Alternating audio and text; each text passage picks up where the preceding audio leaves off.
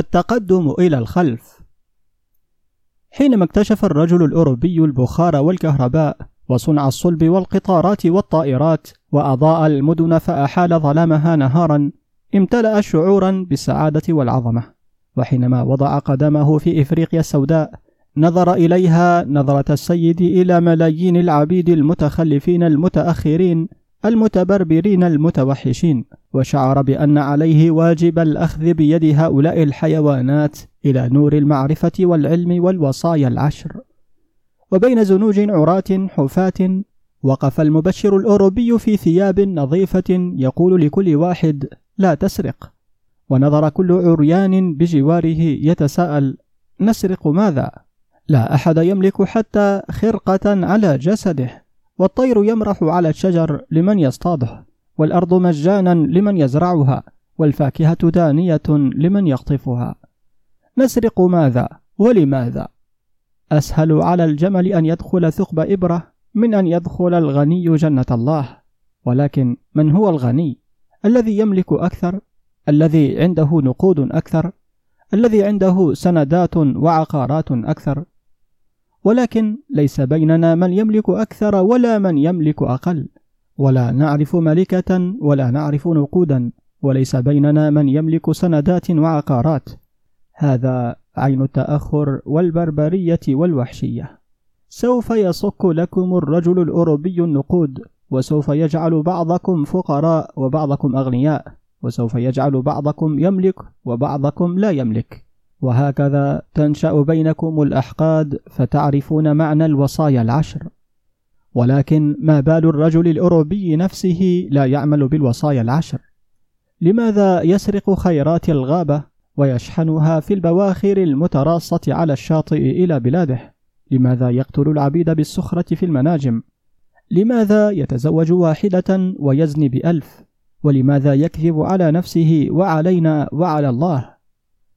وظلت الحياة تسير في رتابة بين المتوحشين المتبربرين. تحصدهم الأمراض وتتحالف عليهم الملاريا والحمى الصفراء والحيات والأفاعي ورصاص المستعمرين. وتولى الرجل الأوروبي مهمة قتل نفسه في حربين عالميتين. وتولى حصار المدنية التي أقامها كلما بنى هدم وكلما أقام حطم. ولكن الأدوات في يديه ظلت تتقدم من طائرات إلى صواريخ ومن كهرباء إلى ذرة. وها هو اليوم وقد امتلأ شعورا بالثقة وقد ازداد تأكدا أنه أصبح السيد بالفعل. سيد من؟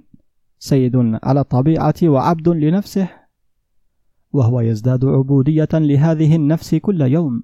تستهويه البضائع الاستهلاكية في الفاترينات وتستعبده الثلاجة والغسالة والعربة البويك والريكورد والترانزستور. وسيطرة البضائع الاستهلاكية والترف الشخصي تفرض نفسها على بلد رأسمالي كأمريكا كما تفرض نفسها على بلد اشتراكي كروسيا. ومن أجل مزيد من الترف والبضائع الاستهلاكية لكل فرد ومن أجل السيطرة والتحكم في الآخرين سوف تقوم حرب ثالثة. فلم تعد المسألة مسألة مذاهب وإنما حقيقة المسألة أن الإنسان لم يتقدم وإنما تأخر وهو كل يوم يتأخر. الأدوات في يديه هي التي تقدمت وتحول هو من صانعها إلى خادمها ثم إلى عبدها. لكن كل هذه البضائع الاستهلاكية ليست أكثر من لعب أطفال في فاترينة وكل ما أحرزه الإنسان من تقدم هو تقدم شكلي.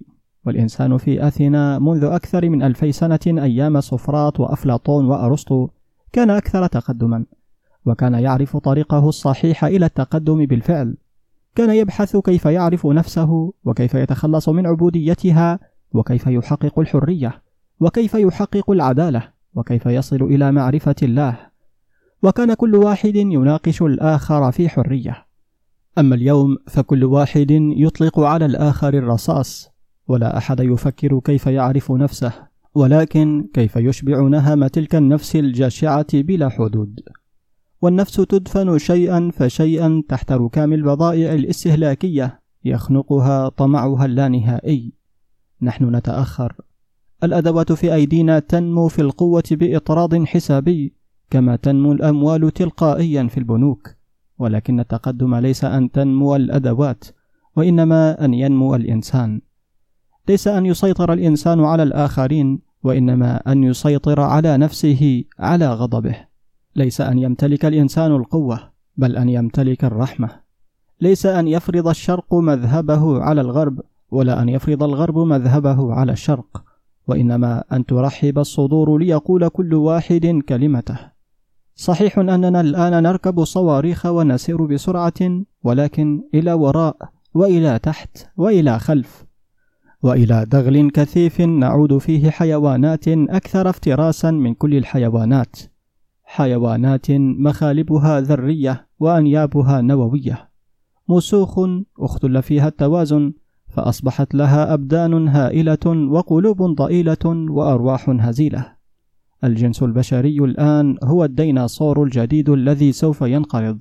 واقرأوا التاريخ لتعرفوا كيف كان على الأرض منذ ملايين السنين. حيوان هائل ضخم كالجبل يحكم جميع الحيوانات. اسمه الديناصور. ثم انقرض وهلك. والسبب أنه كان قويا جدا ومغفلا.